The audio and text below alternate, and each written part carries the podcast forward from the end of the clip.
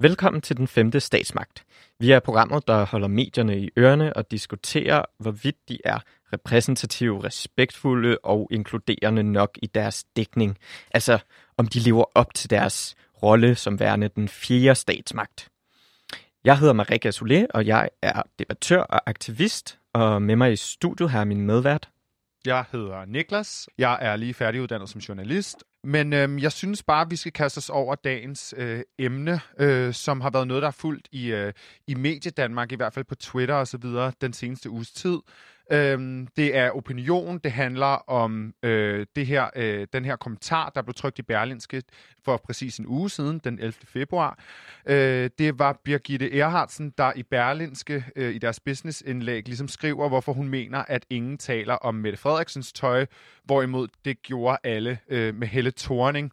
Og det har altså givet anledning til, til hæftig rabat ikke rabat, men debat på sociale medier, øh, hvor Helle Thorning og andre fremtrædende kvinder faktisk har, har, har talt imod øh, den her kommentar. Men inden vi overhovedet taler videre om den her kommentar, så har vi øh, dig med på en telefon, Søren Schulz Jørgensen. Hej, hej. Vil du ikke starte med at præsentere dig selv? Jo, jeg er, øh, jeg kalder mig selvstændig medieforsker, det vil sige, at jeg sidder og studerer og skriver om medierne og laver analyser af medierne, mm. men gør det i eget regi. Jeg har en Ph.D i øh, mediesociologi og har været journalist i herrens mange år. Så det er det, jeg laver, og så skriver jeg løbende kommentarer, apropos debatstof, skriver ja. løbende kommentarer, mediekommentarer i, i politikken, og har jo også skrevet om, om det her, så jeg går ud fra, det er derfor, I gerne vil snakke med mig. Det er det nemlig, fordi jeg har også set, at du blandt andet har været inde på det her med, øh, at, at medierne ligesom taber lidt terræn, øh, fordi de ikke er selvkritiske nok osv. Det så jeg i hvert fald, du havde skrevet noget om på et tidspunkt. Øhm, men vi kunne godt tænke os lige at finde ud af først, hvad opinion egentlig er, fordi nogen kalder det kommentarer, så kalder de det klumme, så kalder de det debat og så videre. Men, men vi, i dag snakker vi om kommentarer og debatindlæg. Vil du ikke lige forklare os, hvad, hvad, hvad er et debatindlæg for eksempel? Jo, altså man kan sige, man kan tage den helt, helt fra toppen, så man sige, om du kalder det et debatindlæg, om du kalder det opinion eller en kommentar, er sådan set ligegyldigt. Fordi det er alt sammen det samme. Det er nemlig stof, der er skrevet af mennesker, der mener noget. Mm. Og det er det, som er, som er helt afgørende at forstå, at, at øh, vores gammeldags aviser, øh, dem der jo også er online i dag, de, de, de, de kommer i virkeligheden med to typer af indhold. Det ene er den klassiske journalistik, hvor en journalist har skrevet noget, og hvor journalistens egne holdninger øh, meget nødigt skulle ske igennem. Der handler det om at få andre mennesker til at sige noget. Mm. Det er det, man kalder det redaktionelle stof. Og så har man opinionsstoffet, altså holdningsstoffet. Øh, og det kan tage sig ud på mange forskellige måder i de forskellige medier. Altså, men det er der, hvor folk skriver langt, så kalder man det nogle gange en, en kronik. Øh, så kan man skrive halvlangt, så kalder man det en kommentar. Så kan man skrive helt kort, så er det et læserbrev. Så, så man kan sige, at alt det her, det handler dybest set om holdninger. Opinion betyder også holdninger. Så der findes øh, mange ord for det, og det, det hænger også sammen med, at der er mange forskellige genrer eller formater, som man gør det i. Mm. Og hvis vi nu tager øh, det her debatindlæg som, som et, øh, et, et hvad, hvad, betyder, hvad betyder debatindlægget for moderne journalistik? Debatindlægget betyder, øh, altså groft sagt, det, det samme for den moderne journalistik, som det betød for den gamle journalistik. Men, men forholdene har selvfølgelig ændret sig i mediebranchen. Men det har været sådan lige siden man opfandt aviser og begyndte at lave dem for, for, for næsten 200 år siden, altså og, og, og, og udgav dem, sådan at folk gad at læse dem, så har, så har aviser bestået af de her to ting. Altså både nogle nyheder, som journalisterne kom med, og så holdninger fra Gud og hver mand. Mm. Øhm, så det har altid betydet sindssygt meget, at der i aviserne øh, og, og, og i nyhedsmedierne var en blanding øh, af de her to ting. Altså journalistik og holdninger. Så det betyder meget, og man kan sige, at det, der er sket i de seneste, ja, det er jo ikke de seneste få år, det er de seneste mange år. Altså siden internettet blev opfundet for at blive udbredt, sådan for cirka 25 år siden, der er der jo sket det, at debatstoffet er noget, som internettet har stjålet fra. Øh, altså, at rigtig meget debat foregår på de sociale medier og på, på internettet.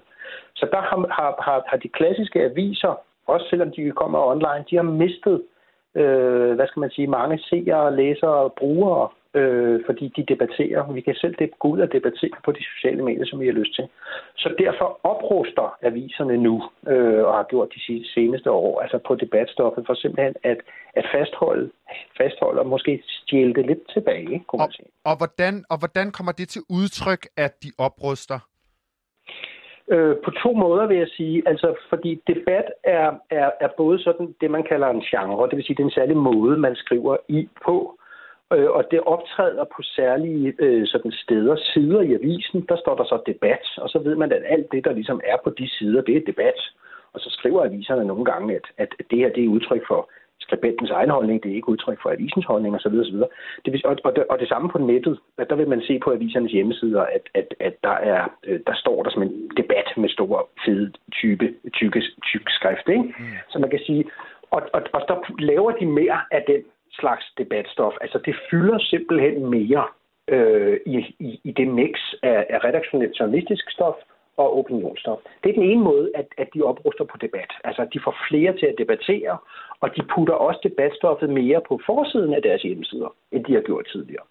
Men den anden måde, hvor, hvor debatstoffet også kommer til at fylde på, det er ved, at, at den almindelige journalistik, altså det, der handler om nyheder, også bliver meget mere øh, holdningsbaseret. Ikke sådan, at det er journalisternes egne holdninger, men at man har mange flere, øh, man meget oftere øh, bruger kilder og laver historier, der er baseret på, hvad nogen mener.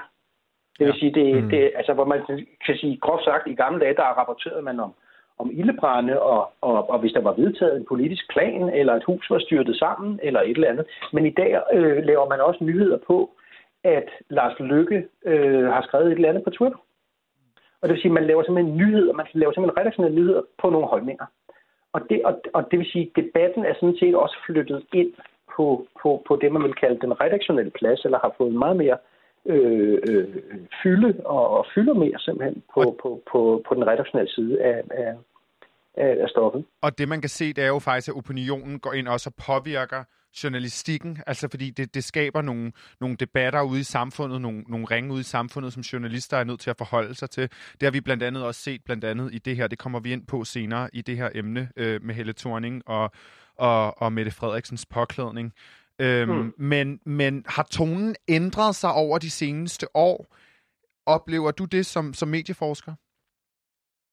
Øh, nej, altså det gør jeg faktisk ikke. Man kan sige, at vi har haft nogle særlige områder, som vi er begyndt at diskutere mere øh, i samfundet, lad os sige, de sidste, de sidste par årtier. Det har selvfølgelig handlet, handlet om øh, etnicitet, religion, kultur og ytringsfrihed. Øh, de her ting, som, som jo har med Mohammed-tegningerne og andet, har betydet, at der er kommet en, en, øh, hvad kan man sige, en, en, en mere polariseret debat vil jeg sige. Altså, så, som, som, så måske, er, måske mener jeg egentlig, ja, at tonen har ændret sig. Jeg tror i virkeligheden, at fronterne bliver trukket hårdere op. Øh, og at, at, øh, at debatindlæg, kommentarer på de sociale medier øh, bliver vinklet hårdere. Altså ja, det, det tror jeg faktisk, nu hvor jeg tænker over det, så tror jeg faktisk, jeg mener øh, at kunne jagtage det. Men det er en, det er en, en subjektiv vurdering. Det er ikke noget, jeg har belæg for at kunne sige. Nej. Øhm, hvordan, altså hvilke konsekvenser kan det have, hvilke konsekvenser kan de her debatindlæg have for forholdet mellem borgerne og medierne? Jamen, jeg tror i virkeligheden, altså hvis jeg må øh, gå lidt til dit spørgsmål, det må øh, og, og, og, øh, så vil jeg sige, altså vi kan godt diskutere debatindlæg, altså sådan specifikt, hvad bringer medierne af debat. Men det, der jo er super vigtigt, det er at se tingene i en form for helhed eller en sammenhæng, og det vil sige, det der jo vi har at gøre med, det er jo en en, en, øh, altså en fuldstændig vild udbredelse af øh, debatmuligheder for borgerne på sociale medier. Og man kan sige, hvis, hvis, hvis man i virkeligheden skal sige mere end at medierne har øh, ændret øh, deres egen måde at lave debat på, så er de i virkeligheden blevet påvirket og tager farve af det, der sker på de sociale medier. Mm. Og det vil sige, den tone, de emner, de måder, som folk laver opslag på, kommentarer på, på de sociale medier er noget, som medierne bliver farvet af. Den måde, medierne laver overskrifter på, er blevet farvet af, af, af, af det, der sker på, på de sociale medier. Og det er jo også noget af så... det, vi skal diskutere i dag i forhold til, ja, ja, om medierne ja. er selvkritiske nok i, i forhold til ikke at blive smittet for meget af, ja. af, af forskellige debatter.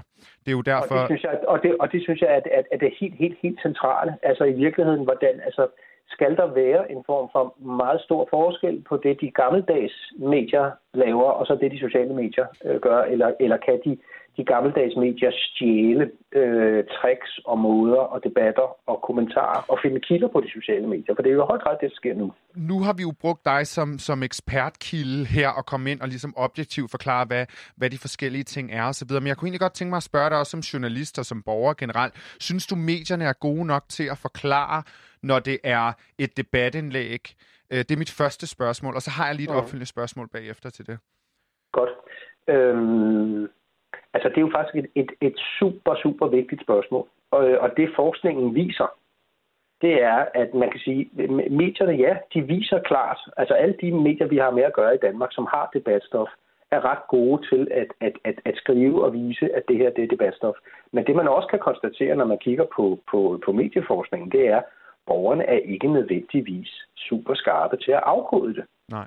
Og det, og det vil sige, at, at, at, at det vi også har, når, når vi har sociale medier, hvor, hvor øh, artikler smækkes op fra, fra medierne, samtidig med, at der er kommentarer, altså øh, de to forskellige, øh, hvad skal man sige, spor, altså sådan det, det neutrale og det holdningsbaserede, det smelter, smelter i virkeligheden sammen. Mm. Så derfor vil jeg, vil jeg sige, nej, vi har faktisk et problem øh, i offentligheden det hele taget med at skille øh, øh, skidt fra kanalen eller skille øh, den, den redaktionelle reportage fra, fra, fra det holdningsbaserede stof. Det, det er en udfordring, for vi kan se, at borgerne simpelthen ikke i tilstrækkelig grad afkoder øh, øh, tingene på de måder, som vi egentlig havde intentioner om i medierne. Ja, fordi nu kommer du mig lidt i forskellen. Mit næste spørgsmål, øh, forløbet hedder det, for mit næste spørgsmål mm-hmm. vil være, lykkedes de, altså lykkedes de med at, at, at skille klart, så folk opfatter det? Det virker ikke altid sådan på nettet. Nej, men nej. I, men i stedet for kunne jeg godt tænke mig at høre, øh, faktisk også i forhold til lidt erfaringskilde spørgsmål. Altså personligt, mener du så, at er det for nemt for medierne at bringe øh, en, hvad kan man sige, spalteplads til nogen, som for eksempel har en skarp holdning, og så bare ligesom vaske og sige, det her det er et udtryk for skribentens holdning. Det er ikke nødvendigvis vores holdning til det. Ja, både og. Altså man kan sige, ja, jeg synes, det er enormt nemt, og jeg synes, at der laves enormt meget nem journalistik, hvor man tager et udsagn, ikke mindst fra, fra, fra Facebook eller, eller andre sociale medier, og så, og så knaller man det ind i en artikel og siger, at det er bare et element. Så det, det er enormt nemt journalistik på mange måder. Men vi skal også huske, at altså, debat er enormt vigtig. Altså debat er vigtig for samfundet og for demokratiet, fordi vi skal det er meningen, at vi som borgere skal blive præsenteret for forskellige typer af holdninger, så vi også kan danne vores egne. Så man kan sige, så, så debatstoffet er simpelthen en af grundpillerne for, for det, man med et fint ord kalder offentligheden. Altså det, som medierne giver os, og som vi taler om. Øhm, men, det, men, men der er noget inden for, for, for, øh, for debatstoffet, øh, som trænger til en gevaldig øh, nytænkning, synes jeg. Øh, sådan at, at, at øh, de gamle medier, øh, altså de gamle aviser, som er dem, der, der fortrinsvis har debatstoffet, at, at, at de i virkeligheden begynder at arbejde med at finde ud af, hvordan, hvordan skal det tage sig ud. Fordi der er en tilbøjelighed til, til to ting. Det ene er, at man meget let bringer alle mulige holdninger frem, uden rigtigt øh, måske at, at, at gøre sig klar, hvad det er for et ansvar, man har for dem. Det er nu godt nok et mindre problem, men, men, men det andet problem er sådan set, synes jeg, at, at, at aviserne sådan, så hyrer de nogle faste debattører til at sidde og skrive for sig. Og så bliver det ligesom avisens sådan holdningsapparat, så man kan se, hvordan politikken og Berlingske og Jyllandsposten og information og så videre, så har de sådan nogle faste kommentatorer, der sidder ligesom professionelt og skaber meninger. Og det vil sige, at det bliver i virkeligheden en meget mere elitær øh, debat, end det egentlig bliver den folkelige debat. Så de er altså ikke måske øh, altid altså inkluderende, som mm-hmm. de burde være. Det er korrekt forstået? Ja, ja. Ja, men det er fuldstændig korrekt forstået. Man kan også sige, at det er derfor, at, at øh, jeg synes, debatstoffet trænger til en form for, for overhaling, fordi altså, den folkelige debat øh, for better and for worse finder vi jo på de mm. sociale medier, og den er ikke altid lige skøn og lige køn og lige skøn at, at, at lægge øre øjne til. Men, men, men det er der, den er. Og så har medierne altså et, et, et, et, øh, en gevaldig opgave med at finde ud af, hvordan kan de skabe en reel folkelig debat øh, på deres egne sider på måder, så vi kan, så vi kan, så vi kan bruge dem til noget. Søren Schultz Jørgensen, tak fordi du var med. Lige inden vi slutter dig af, så kan jeg se, at Marek her han står med en finger op i luften. Så, så, så på en måde kunne man, kunne man måske sige, at i fremtiden skulle vi have større udskiftning i de faste debatskrivere, øh, der, der laver indlæg til, til aviserne. Er det rigtigt forstået?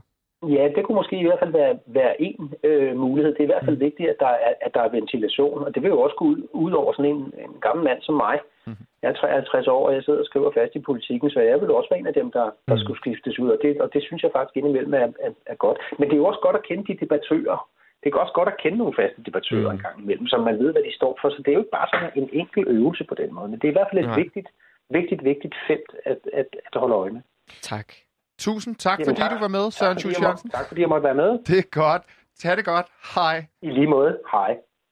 Ja, nu til det, som vi skal tage op i den femte statsmagt i dag, som netop er øh, en kommentar af Birgitte Erhardsen, der er blevet bragt den 11. februar med titlen Derfor snakker ingen om Danmarks to mest magtfulde kvinders køn og udseende.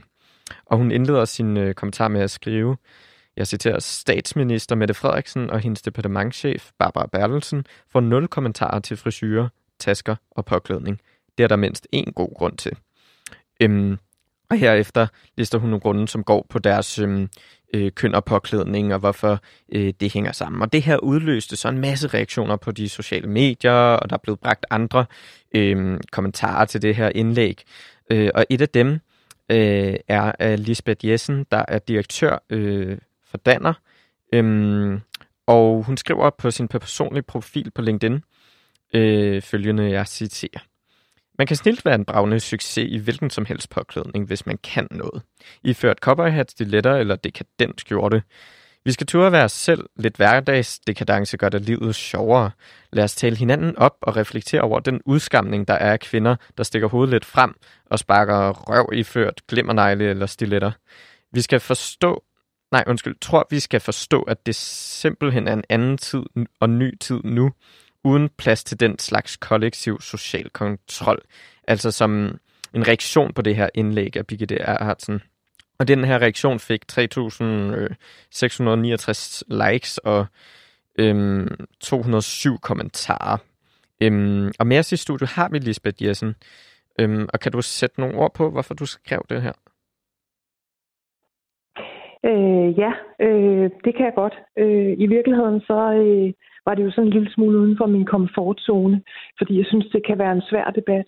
Men jeg synes lige præcis her øh, og på min personlige LinkedIn-profil, at, øh, at jeg synes, det kunne være interessant at prøve at starte en debat om, hvad var det i virkeligheden? Øh, var der nogen, øh, der ville debattere det her på en måde, der rettede sig fremad, øh, og i virkeligheden øh, tog sigte på at blive klogere og blive inspireret til, øh, om vi for Søren ikke kunne støtte lidt op om hinanden øh, og være blive opmærksom på de øh, mm. bias, der også lå i vores sprog, øh, og på den måde i virkeligheden sørge for, at, øh, at, at, at det her ikke blev det glasloft, som kvinder støder imod, når de stikker snuden mm. lidt frem. Så, øh, og så var jeg lidt vred. Jeg sad hjemme i min sofa og blev øh, jo ligesom en hel masse andre kvinder, der, øh, der bedriver ledelse som deres professionelle gerning. Jeg blev, øh, jeg blev super provokeret af hendes indlæg. Og, og hvorfor er det debatten svær? Men jeg synes, debatten er svær, fordi at øh, den jo i virkeligheden øh, kommer til at være sådan en debat, hvor at øh, der bliver øh, der fronterne bliver trukket skarpt op. Øh, at øh, det kommer, når man taler om køn, så bliver det ofte sådan en lidt betændt debat, der kommer til at handle om, at, øh, at der jo også er mænd, der kunne blive udsat for en eller anden form for omtale af Lars Lykke, der drikker for mange fadbremser eller noget andet. Øh, det her er jo et mere strukturelt problem, og i virkeligheden så var jeg ikke så interesseret i kun den her sag, men i virkeligheden mere i at løfte op på sådan mere strukturelt niveau, om hvordan vi kunne få nogle flere kvinder ind øh, de rigtige steder. Det kan vi jo blandt andet ved at prøve at være mere inkluderende i den måde, øh, vi beskriver kvinder på, øh, så de får noget arbejdsro og kan gøre det, øh, som de også er mm. rigtig dygtige til, for eksempel bedrive ledelse. Mm. Og, og nogle af de måder, vi så omtaler på, du nævnte det her med bias i sproget. Øhm, hvordan kommer det til udtryk, for eksempel med, med den her kommentar, der blev bragt?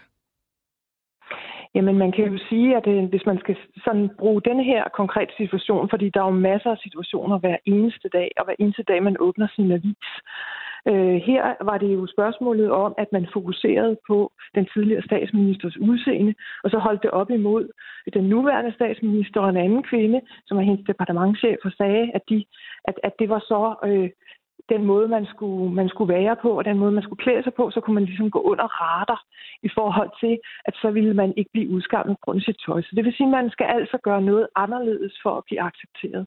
Og, og det er jo klart, at deri ligger der en vældig provokation, fordi jeg tror jo ikke på, at kvinder skal være det. En af mine, mine gode kollegaer, hun plejer at kalde mænd med bryster.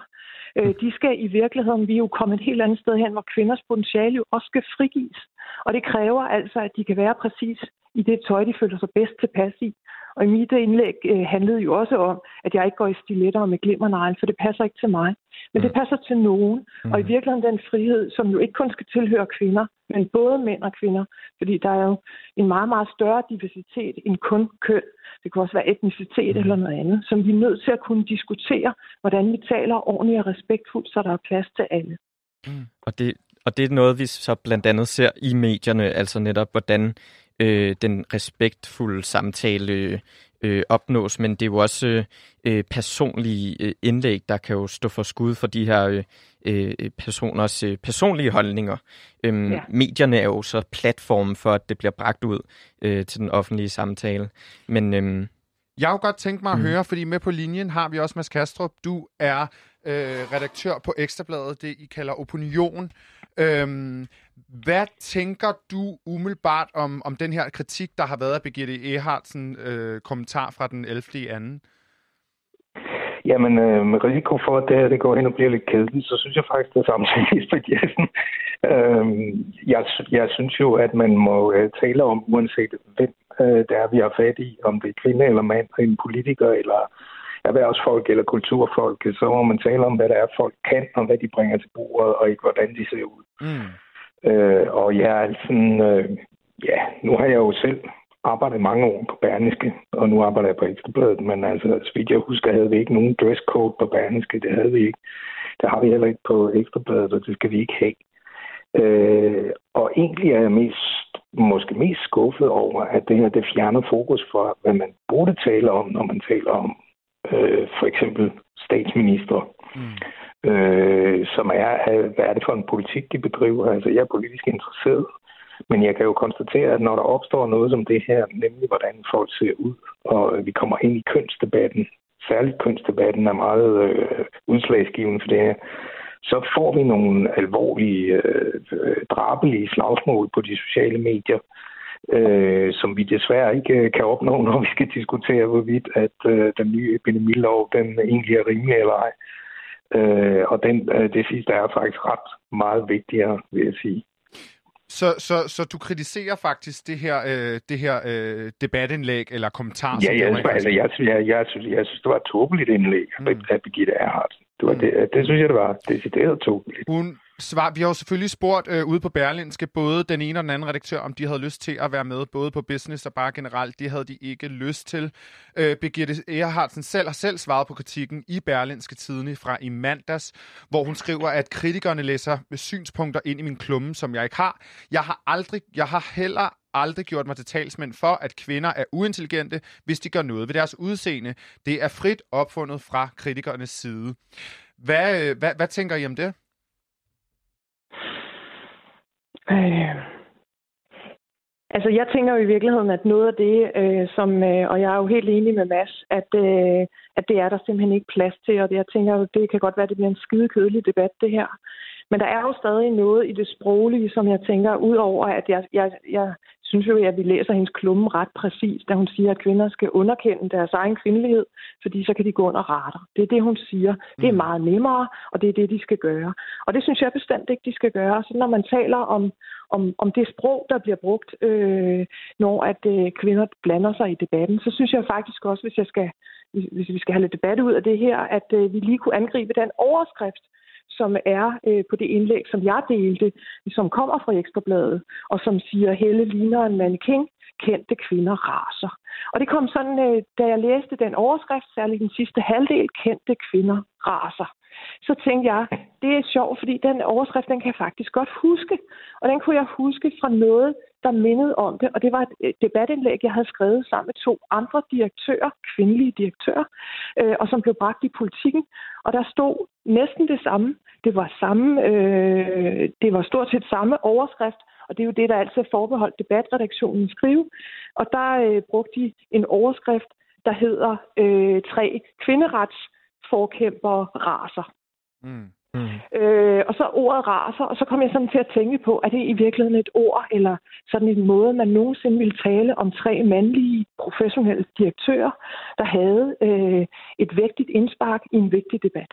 Og så kom jeg sådan til at tænke på, hvad er det i virkeligheden for et sprog, man bruger, når kvinder blander sig i debatten, og typisk i de her overskrifter, som man skal jo klikke sig ind på, så er det jo nogle øh, enormt følelsesladede udtryk, når man beskriver øh, kvinder, som blander sig i debatten. Jeg sad lige og forberedte mig på det her, og så noterede jeg mig øh, fra mine debatindlæg, at der stod øh, noget med, at vi rasede i kor, i oprør, en vred feminist. Det var ligesom de ting, der gik igen øh, for at prøve at lokke folk til at læse det. Det skal du lige have lov at svare på, Mads. Ja, må jeg ikke bare lige tage det sidste med, som jo bare var, at når, det er jo med til at signalere, at kvinder ligesom er i deres følelsesbold. Øh, altså, jeg har været professionel leder i mere end 20 år, og jeg må sige, at jeg bliver jo vældig provokeret af det. Mm. Jeg, jeg mm. synes jo i virkeligheden, at jeg bærer min faglighed med mig på arbejdet, fordi det er det, jeg kan. Og at jeg faktisk skriver debatindlæg, fordi jeg mener, at jeg har styr på noget.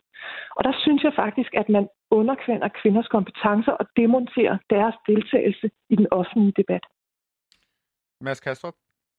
Ja, øh, jamen det var meget på en gang, og mange, ja. øh, altså, mange brikker, men, men altså, jeg kan jo sige for det første, så, øh, når Ekstrabladet går ind i den slags, så er det jo typisk, at man refererer en debat, som øh, kører på de høje navler et sted. Øh, og øh, hvad angår rubrikker, øh, der må jeg bare sige, altså, øh, Øh, jeg kan ikke se, at der skulle være noget galt i det her med raser. Altså, hvis, hvis, hvis det er det, der foregår, øh, nu kan jeg ikke øh, sidde her og lige på stående fod øh, svare for det øh, indhold, der var i den der artikel, men jeg håber da, at det fremgik så ned i brødteksten, altså den almindelige artikel, at der blev raset. Fordi hvis ikke der gjorde, så var bringen jo selvfølgelig forkert. Det går jeg med på. Men, men, men må jeg så ikke bare lige sige, altså, øh, der findes øh, en, en, et, et overherredømme i debatten omkring det her med øh, dømmelse af offentlige personer, kvinder kontra mænd. Når vi taler politikere, fordi jeg har nemlig beskæftiget mig om det her før, og også gennemgået en række artikler, som øh, vi, vi har haft på Ekstrabladet og også øh, havde på Berlingske Tiden. Det er ikke sådan, at øh, hele Thorning var udsat for øh, mere kritik og mere omtale af sit udseende som, som, som statsminister, end, end, øh, end andre statsminister har været. Øh, man har bare glemt det her med, at vi havde en Anders Fogh, som hele tiden blev omtalt så meget stigende, og blev kaldt Anders Fjord Rasmussen, fordi han ikke havde sådan, måske de ypperste sociale kompetencer. Øh, vi har glemt uh, Poul Nyrup og hans cykelhjelm, som han hedder med, man måtte høre meget for. Men Mads, er det en undskyldning? Er det en undskyldning? Nej. At... Nej. Okay. Nej, det er det ikke. Altså, det, det er ikke nogen undskyldning. Jeg, jeg siger bare, altså, altså den der hegemoni, der hele tiden er om, at, øh, at kvinder i medierne, netop i medierne, det er jo så dem, jeg sidder og svarer for lige nu, øh, og jeg skal gerne svare for dem alle på en gang, øh, at, at, at, de bliver, øh, at de bliver altså udsat for øh, en, en, en særlig, øh, altså politikere bliver udsat, statsminister bliver udsat for en særlig seksualisering, hvis det er, er kvinder. Øh, det ser jeg ikke, og hvis jeg ser det, så er det sjovt nok noget, der faktisk kommer fra kvinder. Og det er også øh, en kvinde, der har skrevet det her øh, debatindlæg, som vi netop diskuterer nu. Øh, og jeg har selv stået med kvinder i en debat på et tidspunkt for nogle år siden, disk- diskuterede vi netop det der med, med hele Torning og kontra netop Mette Frederiksen, som måske skulle afløse hende. Og øh, der stod jeg i et radiostudie sammen med tre kvinder, øh, og de øh, sagde øh, ting som, at nu var øh, øh, Helle Thorning jo, som jo øh, en af dem udtrykte, der også meget foxy, mens øh, øh, hvad hedder det, øh, Mette Frederiksen bare var mere kone, som det blev udtrykt. Ikke? Og jeg var egentlig ret forbløffet. Altså, mm. fordi jeg tænker, okay, er det sådan, I gør ved jeres eget køn? Er det sådan, I har gang i den? Hvad, øh, Lisbeth, det kunne jeg ja, godt tænke mig. Hvad, hvad, tænker, hvad tænker du om det, Mads siger i forhold til, at, at det ofte kommer fra kvinder selv? Anerkender du den præmis? Jamen, jeg tror, at hvis jeg må være fræk, starte lidt, lidt andet sted, så sige, at at det, der var forskellen på de kommentarer, som møder øh, den tidligere statsminister, og som mødte øh, Lars Lykke, eller som øh, der mødte øh, Anders Fogh, øh, er jo, at øh, de går på kønnet. De går på øh, seksualiteten, og det er øh, det, man slår ned på. Øh, Altså, det er anderledes at få at vide, at man siger, har stirrende øjne, eller siger kikset ud med cykelhjelm, fordi det er ukønnet. Det her, det er ikke kønnet. Og så når man taler om, hvem er det så, der gør det, så er jeg fuldstændig enig med Mads. Det kommer både fra mænd og kvinder. I virkeligheden er den her kollektiv blindhed i forhold til både vores egne privilegier, men jo også den måde, som vi øh, udskammer andre på, den, den, er, den tilhører jo os alle. Øh, så er der nogen af os, øh, der har øvet os i at øh, være opmærksom på det, og så kan man komme rigtig langt. Så det var jo heller ikke missionen med mit opslag, og i virkeligheden øh, skælde alle ud. Det var at starte en debat, der i virkeligheden handlede om, om vi kunne gøre det lidt bedre. For jeg tror rigtig mange mennesker slet ikke er opmærksom på, når de kommer med de der bemærkninger, som Mads også nævner. Altså, øh, så, øh, så er det blevet en anden og en ny tid nu, hvor der ikke er plads til det. Men jeg tror, vi alle sammen kender det, fordi det jo også har været en del af det, hvis vi i hvert fald er over 40, vi er rundet af. Så der vil jeg give ret i, og det kommer jo også ganske ofte på de sociale medier, både fra mænd og kvinder. Øhm, så det er jo ikke kun, men de der meget stærkt seksualiserede kommentarer kommer typisk fra mænd. Øh, så, så der er selvfølgelig nuancer i det. Øh, men, men jeg tænker, det er jo et problem, som tilhører vores generation, og som vi skal blive langt, langt bedre til. Mm.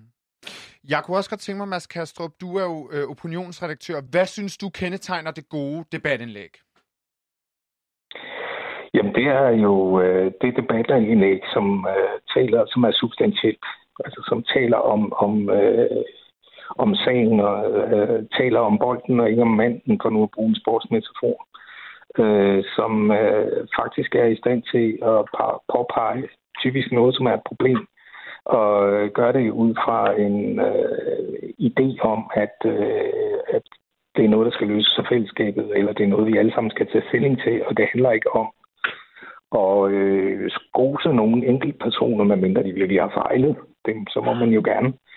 Øh, men, men det synes jeg er det gode debatindlæg. Det er det, som påpeger noget, som vi andre måske ikke lige har lagt mærke til at gøre det på en ordentlig og redelig måde. Mm. Og, og en ordentlig og redelig måde, er det så mediernes ansvar at vælge de debatindlæg, der så gør det på en ordentlig og redelig måde? Ja, ja øh, altså jeg som, som mediemand, der øh, vil jeg være øh, meget forsigtig med at altid være tilbageholdende over for, at jeg skal være smagsdommer, øh, når det handler om, øh, hvor kvalificerede ting er øh, fremført.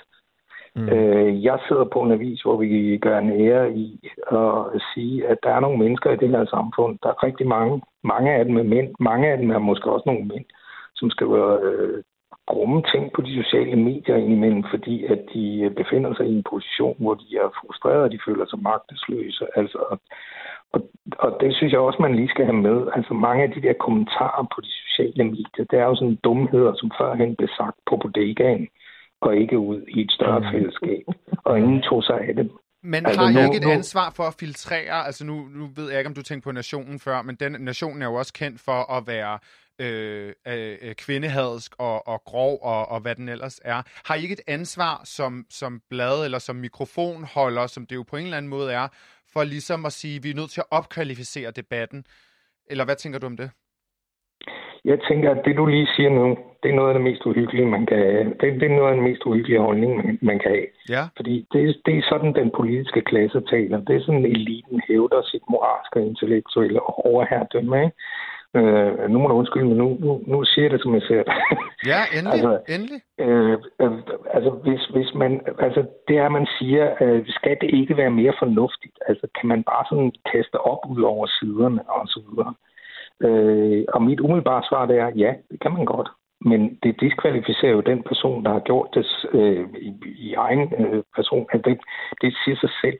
Altså, vedkommende kommer ikke særlig langt med, med de der ytringer det er jo ikke farligt. Det er måske heller ikke udtryk for øh, en kæmpe befolkningsgruppe, der har det sådan, når man skal passe på med at gøre det til det. Men hvis man gør det, og man siger, at det er mediernes ansvar at sige, at det må de ikke, og de kan ikke få lov at komme til ord, så hævder man sit eget moralske og intellektuelle overherredømme, og så øh, reducerer man jo de her mennesker til sådan en plads som følelseslabile og faktaresistente tosser, ikke? Altså, og, og, og, og derfor dermed, dermed så mm. forværrer man sådan set mm. øh, deres position. I stedet for bare at sige, hallo kammerat, det du siger, jeg synes ikke, det er særlig klogt, men du har lov til at sige det. Mm. Og, og jeg kommer ikke at forbyde dig. Nej, han står her og ikke...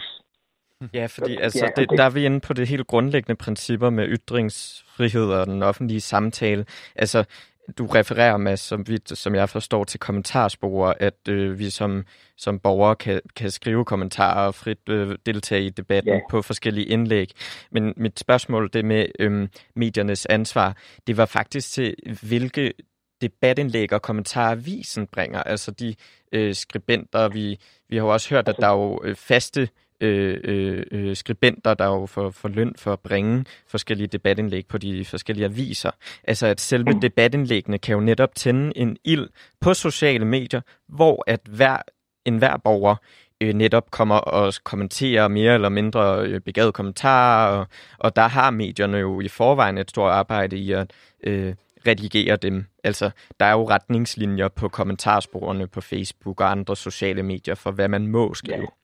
Øhm, men ja, altså medier, som, som, som, som får indsendt debatindlæg, øhm, det kunne være, det debatindlæg fra Birgitte Erhardsen slet ikke skulle bringes, fordi det netop går efter manden og ikke bolden. Et, hvordan, hvordan, hvad synes I her?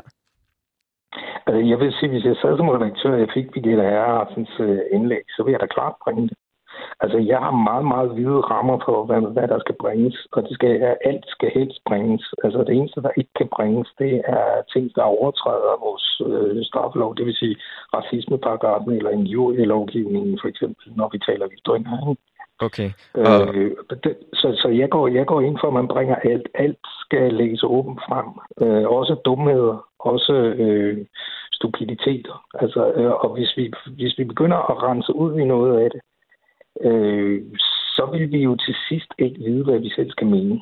Og, og Lisbeth Jessen, hvad, hvad tænker du om det? Fordi så vidt som jeg forstod, så efterspørger du nemlig, at vi kommer lidt længere i øh, den offentlige debat. Altså vi har 2021. Øh, er, der, er der plads til de hvide rammer hos medierne i forhold til at bringe måske øh, debatindlæg ligesom det her? Jamen, det, øh, det mener jeg, der skal være. Øh, men derved øh, opstår der jo også nogle problemstillinger. Øh, man kan sige, at øh, Birgitte Erhardsens øh, indlæg, jeg er super glad for, at det blev bragt, fordi det startede jo en rigtig vigtig debat. Og det er jo også en del af det, vores samfund skal kunne. Og det giver jo også en mulighed for, at vi er nogen, der kan rykke sammen med bussen og øh, gerne vil noget andet. Så det kan jo starte nye bevægelser. Så det øh, har Mads helt ret i. Øh, og jeg tænker heller ikke, at det er noget sundhedstegn i, i et samfund at begynde at udøve censur. Det, som der i virkeligheden bare, synes jeg, ser bliver problemstilling i det. Jeg læser ikke så meget Nationen, men der er jo rigtig meget af den meget ophedede debat, der foregår på de sociale medier, der jo har en... En karakter af noget, der også øh, overtræder loven, øh, som jo i virkeligheden øh, er der, hvor at øh, kvinder bliver, særdeleshed kvinder, bliver rigtig bange fordi de bliver udsat for voldtægtstrusler. De får dem jævnligt i deres indbakke. Øh, det kommer meget tæt på nogle gange. Og det, der sker, når at øh, der ikke er på en eller anden måde noget at navigere i i samfundet. Og det er ikke fordi, jeg mener, at det skal censureres væk, men der skal være en klar hjælp, når så man overtræder loven. Øh, jeg har jo tilbragt 30 år med at, at, øh, at være i dansk politi, og jeg synes jo, man er efterladt retsløs. Det bliver jo den enkelte kvindes problem at ligge og rode med det her. Og der er jo ikke noget system, der griber fat og siger, det her, det skal du simpelthen bare bøde for, fordi det her, det blev for meget. Det her er en klar overtrædelse af lovgivningen. Det her er altså en strafbar trussel på dit liv. Så, så tænker jeg, og jeg synes, vi har set for eksempel udsendelsen med Louise Kølsen som et rigtig godt eksempel på, det bliver Louises problem, det her. Der er ikke noget samfund, der bakker op omkring det her. Øh, så det synes jeg er problematisk, men jeg, jeg er jo helt enig i, at øh, vi heller ikke må give kø på på ytringsfriheden. Men hvad er øh, vigtigst for dig, Lisbeth, at passe på for eksempel de kvinder, der modtager af en kritik eller, eller ytringsfriheden sat lidt på spidsen? Men det kan man ikke sætte på spidsen, okay. fordi det er vigtigt for mig begge ting. For deres ytringsfrihed er jo også vigtig. Det er jo den samme ytringsfrihed, der skal sikre, at de kan fortælle deres historier, når de har levet i en voldelig relation. Øh, så ytringsfriheden skal være der, fordi ellers så kan vi som samfund jo heller ikke udvikle os. Men der skal samtidig være en ordentlig retsbeskyttelse, når så at nogen overtræder det, som er samfundets lov og regler, for eksempel straffeloven. Mm. Mm. Oplever du, du var lidt inde på det før, men oplever du, at opinion eller den offentlige debat smitter af på virkeligheden i, igennem dit arbejde? Ja, det gør den selvfølgelig. Øh, det er klart. Øh, både fordi det afholder, altså jeg, jeg tror, jeg startede med at bruge ordet demontere debatten, ikke? Øh, og jeg kan jo også mærke det på mig selv, at det, der sker, når jeg indimellem skriver debatindlæg, øh, da jeg første gang skrev et debatindlæg om, at, øh, at, at, at der var nogen, jeg synes skulle tage sig sammen med et eller andet, og øh, det blev bragt i Jyllandsposten, og så var der sådan en tråd ned under på nogle sociale medier, hvor at de foreslog en masse ting, der skulle ske med mig uden skov. Ikke? Og udover det, det ved jeg ikke, om man skal være smiret over i min alder, men, men, men, men det var jo så grænseoverskridende som noget. Øh, og i virkeligheden der, hvor jeg tænker, hvad fanden er der sker her? Og hvor jeg lige skulle have to dage til at tænke over, gider jeg egentlig det her?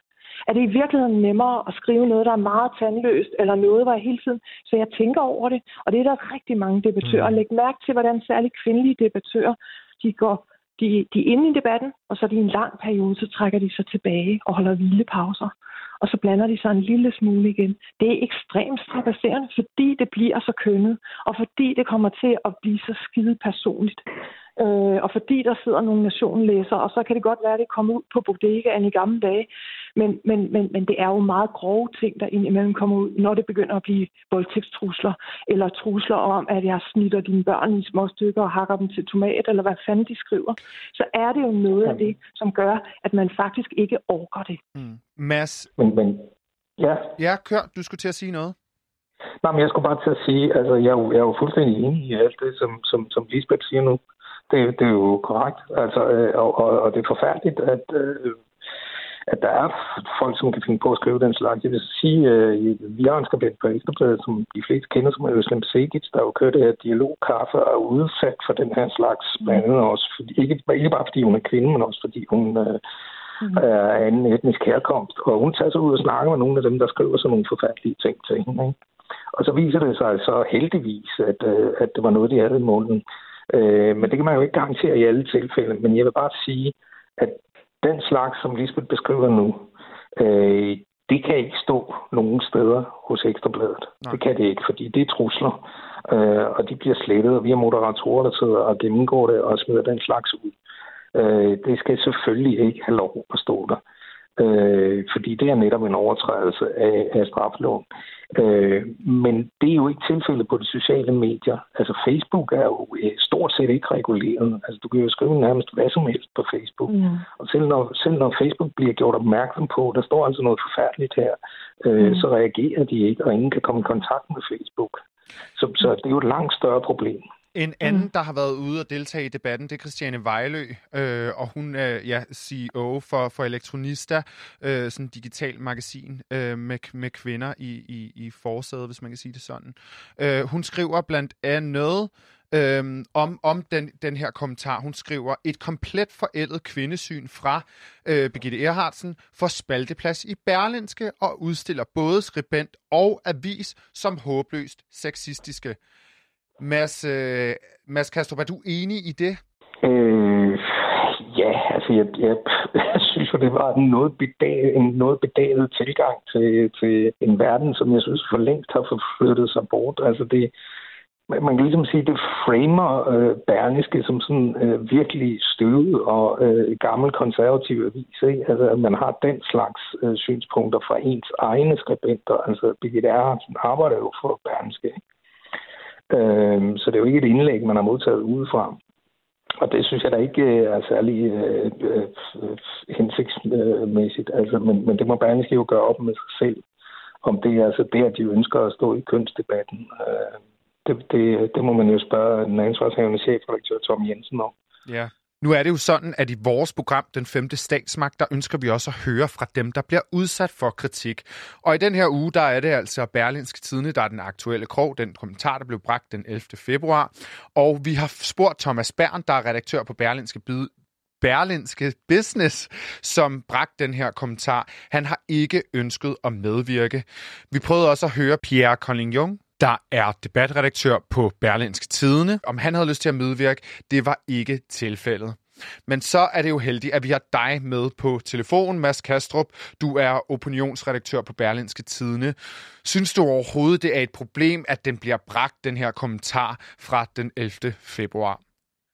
Ej, jeg synes ikke, vi har et problem, når vi har bragt en kommentar her. Og det, det var heller ikke mit indtryk, at Altså, nu hørte jeg jo Lisbeth sige, at hun synes også, at det var udmærket, at det kom frem, fordi det har skabt en god debat, og nu snakker vi jo om det her. Mm. Øh, så, så på den måde, så har det jo sin virkning, og, og sådan som jeg forstod Lisbeth, så var det jo også det her med, at det får jo også nogle gode kræfter til at samle sig og så sige, at det her, øh, sådan skal vi ikke se på det. Og øh, så den virkning har det også, så jeg tror egentlig øh, mere, at det debatindlæg har været kontraproduktivt i forhold til at fremme Birgitte Erhardsens syn på, på, på øh, køn og politik og, og, og kvinder i erhvervsliv, øh, end, end det modsatte. At det, det, det, vi, vi, øh, vi skal sådan set bare være glade for, at det kommer frem, synes jeg. Lisbeth... Det er ikke det, der er problemet. Jeg synes, det problem, vi talte om før, var, er langt større. Altså øh, trusler på de sociale medier, øh, nedgørelser af kvinder på, øh, i debatter på de sociale tråde osv. Så det er et langt, langt større problem. Mm. Ja, fordi der kommer jeg til at tænke på, så hvis det er et større, et større problem, er det så der, at medierne egentlig bærer ansvaret med at redigere deres Facebook-sider og tråde, hvor at øh, ja, folket og den almindelige borger netop kan deltage i debatten og skrive, hvad de har lyst til i sporet? Ja, altså som jeg sagde før, altså, jeg kan simpelthen ikke se, at Facebook tager det ansvar på Nej. Ja. Det, det mener jeg ikke, de gør. Jeg mener i det hele taget ikke, at Facebook tager ansvar på sig for noget som helst, stort set. Altså, øh, øh, og, og det synes jeg er et problem. Mm. Men Christiane Vejlø skriver blandt andet også, at man giver spalteplads til de her holdninger. Anerkender du slet ikke, der er et problem i, at, at der er nogle holdninger, der ikke kan, eller der, der, der ikke skal have spalteplads? Nej, det anerkender jeg Jeg anerkender simpelthen ikke, at der, der, der findes holdninger, der ikke må få, øh, må få lov at blive ytret øh, i medierne. Det må alle holdninger, øh, hvis de er fremført øh, i henhold til loven osv. Ja, så må de. Og øh, det er ovenikøbet en fordel for demokratiet, hvis de bliver det.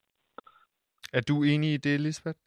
Ja, jeg er også øh, der, hvor jeg tænker, at det er min helt personlige holdning, mm. at det ikke er den måde, det skal reguleres på. Jeg synes jo i virkeligheden, at man skal tage stilling, når man fornyer sit avisabonnement. Og jeg har jo rigtig mange af mine øh, gode bekendte og kolleger, som har valgt at skifte øh, avisdistributør, øh, fordi de jo faktisk synes, at der er nogen øh, af de, øh, og nu vil jeg ikke nævne nogen, mm-hmm. men hvor, hvor de synes, der er nogen, der simpelthen ikke lever op til at være en moderne og progressiv avis.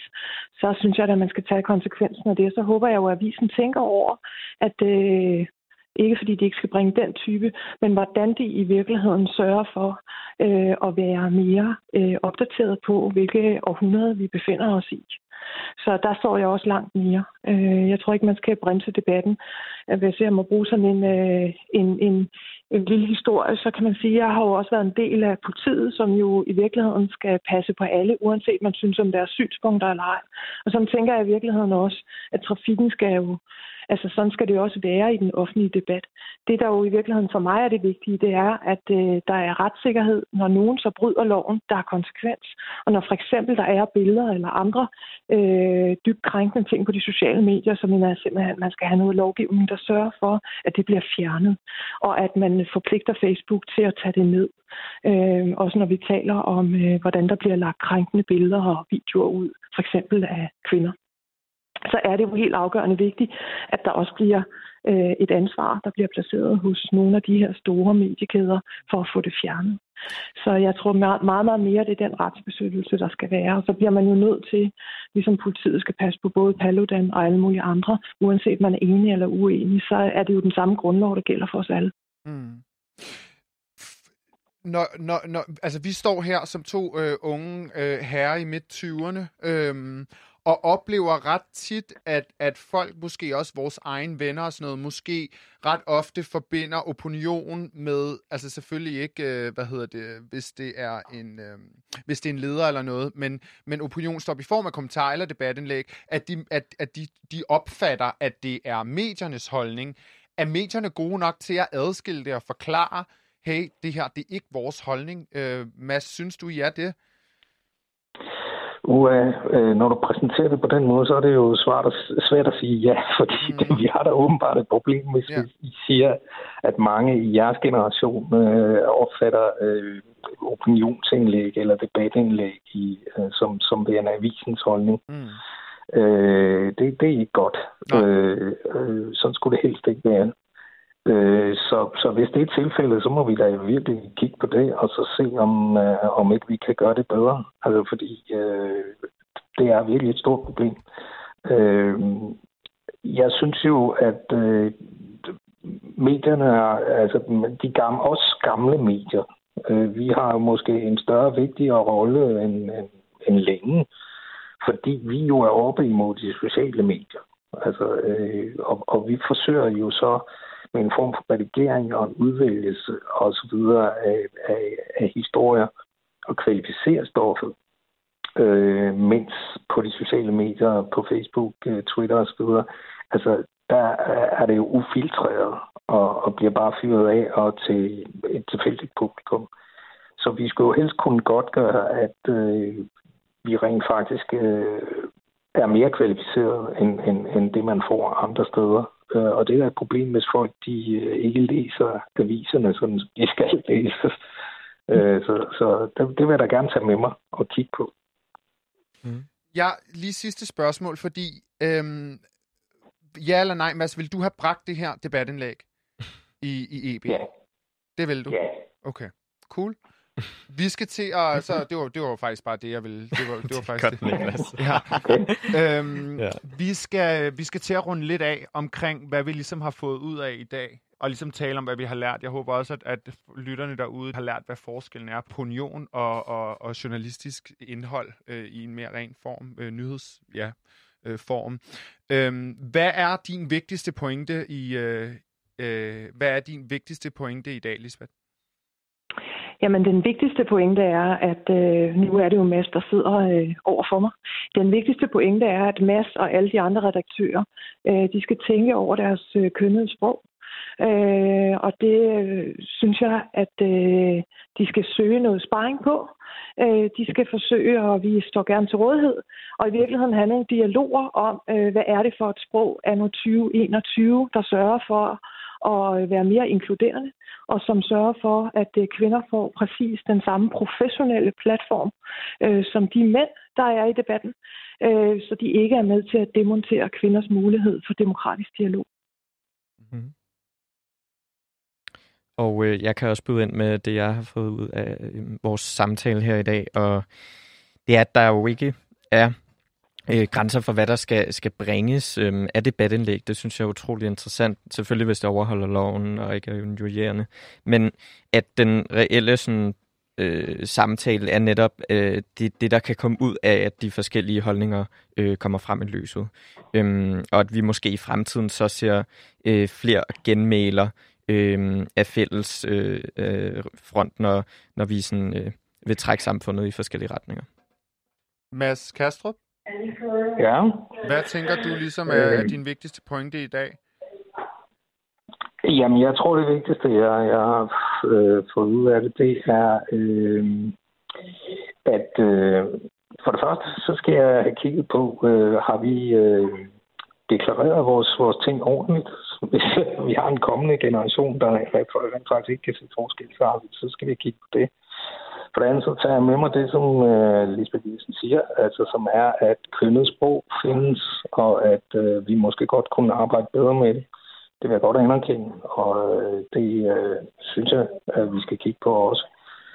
Uh, derudover så kan man sige, øh, så, så øh, står jeg jo der, hvor jeg lige har redegjort for, at jeg står, og, og det synes jeg egentlig ikke, der er en stor grund til at lave om på i lyset af det her øh, debat, egentlig, og den her debat. Jeg tror, at jeg synes, det er, det er ret interessant, når vi, når vi kommer over og snakker demokrati og så videre. Jeg tror også, min, min læring, blandt andet i dag, er også, det kunne have været interessant at høre i en erfaringskilde måske, øh, som kunne have været endnu mere, som kunne sige, jeg opfatter. Det kunne have, selvfølgelig have været spændende at have Helle Thorning øh, øh, med i studiet i dag, men en som måske, eller en som kunne sætte det lidt på spidsen og sige, jeg ønsker faktisk måske en begrænsning af en eller anden form for offentlig debat, og dermed også ytringsfrihed.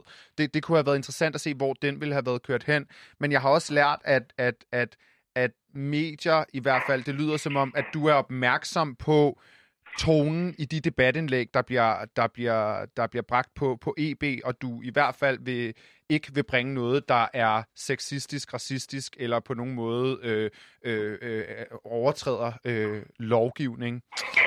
Tak fordi I vil være med i dag. Velkommen. Vi snakkes ved. Det gør vi. Det er godt. Hej. Hej. Tusind tak, fordi I lyttede med i den her uge. Vi håber, at I blev lige så kloge som os, og faktisk lært, at opinion også smitter af på journalistik, og som vi ved, så smitter journalistik af på virkeligheden, ligesom virkeligheden skal og altid vil smitte af på journalistikken. Vi havde desværre ikke tid i dag til at runde alle øh, vinkler og sider af, af debatten om ytringsfrihed og grænser for øh, netop, hvad vi kan øh, tage op i den offentlige samtale. Men øh, det er jo vigtigt som øh, lytter og læser, at vi også stiller krav til medierne. Så vi håber, at I som lytter vil tage det med videre. Tak for nu. Vi lyttes ved Næste afsnit er på næste lørdag. klokken 11.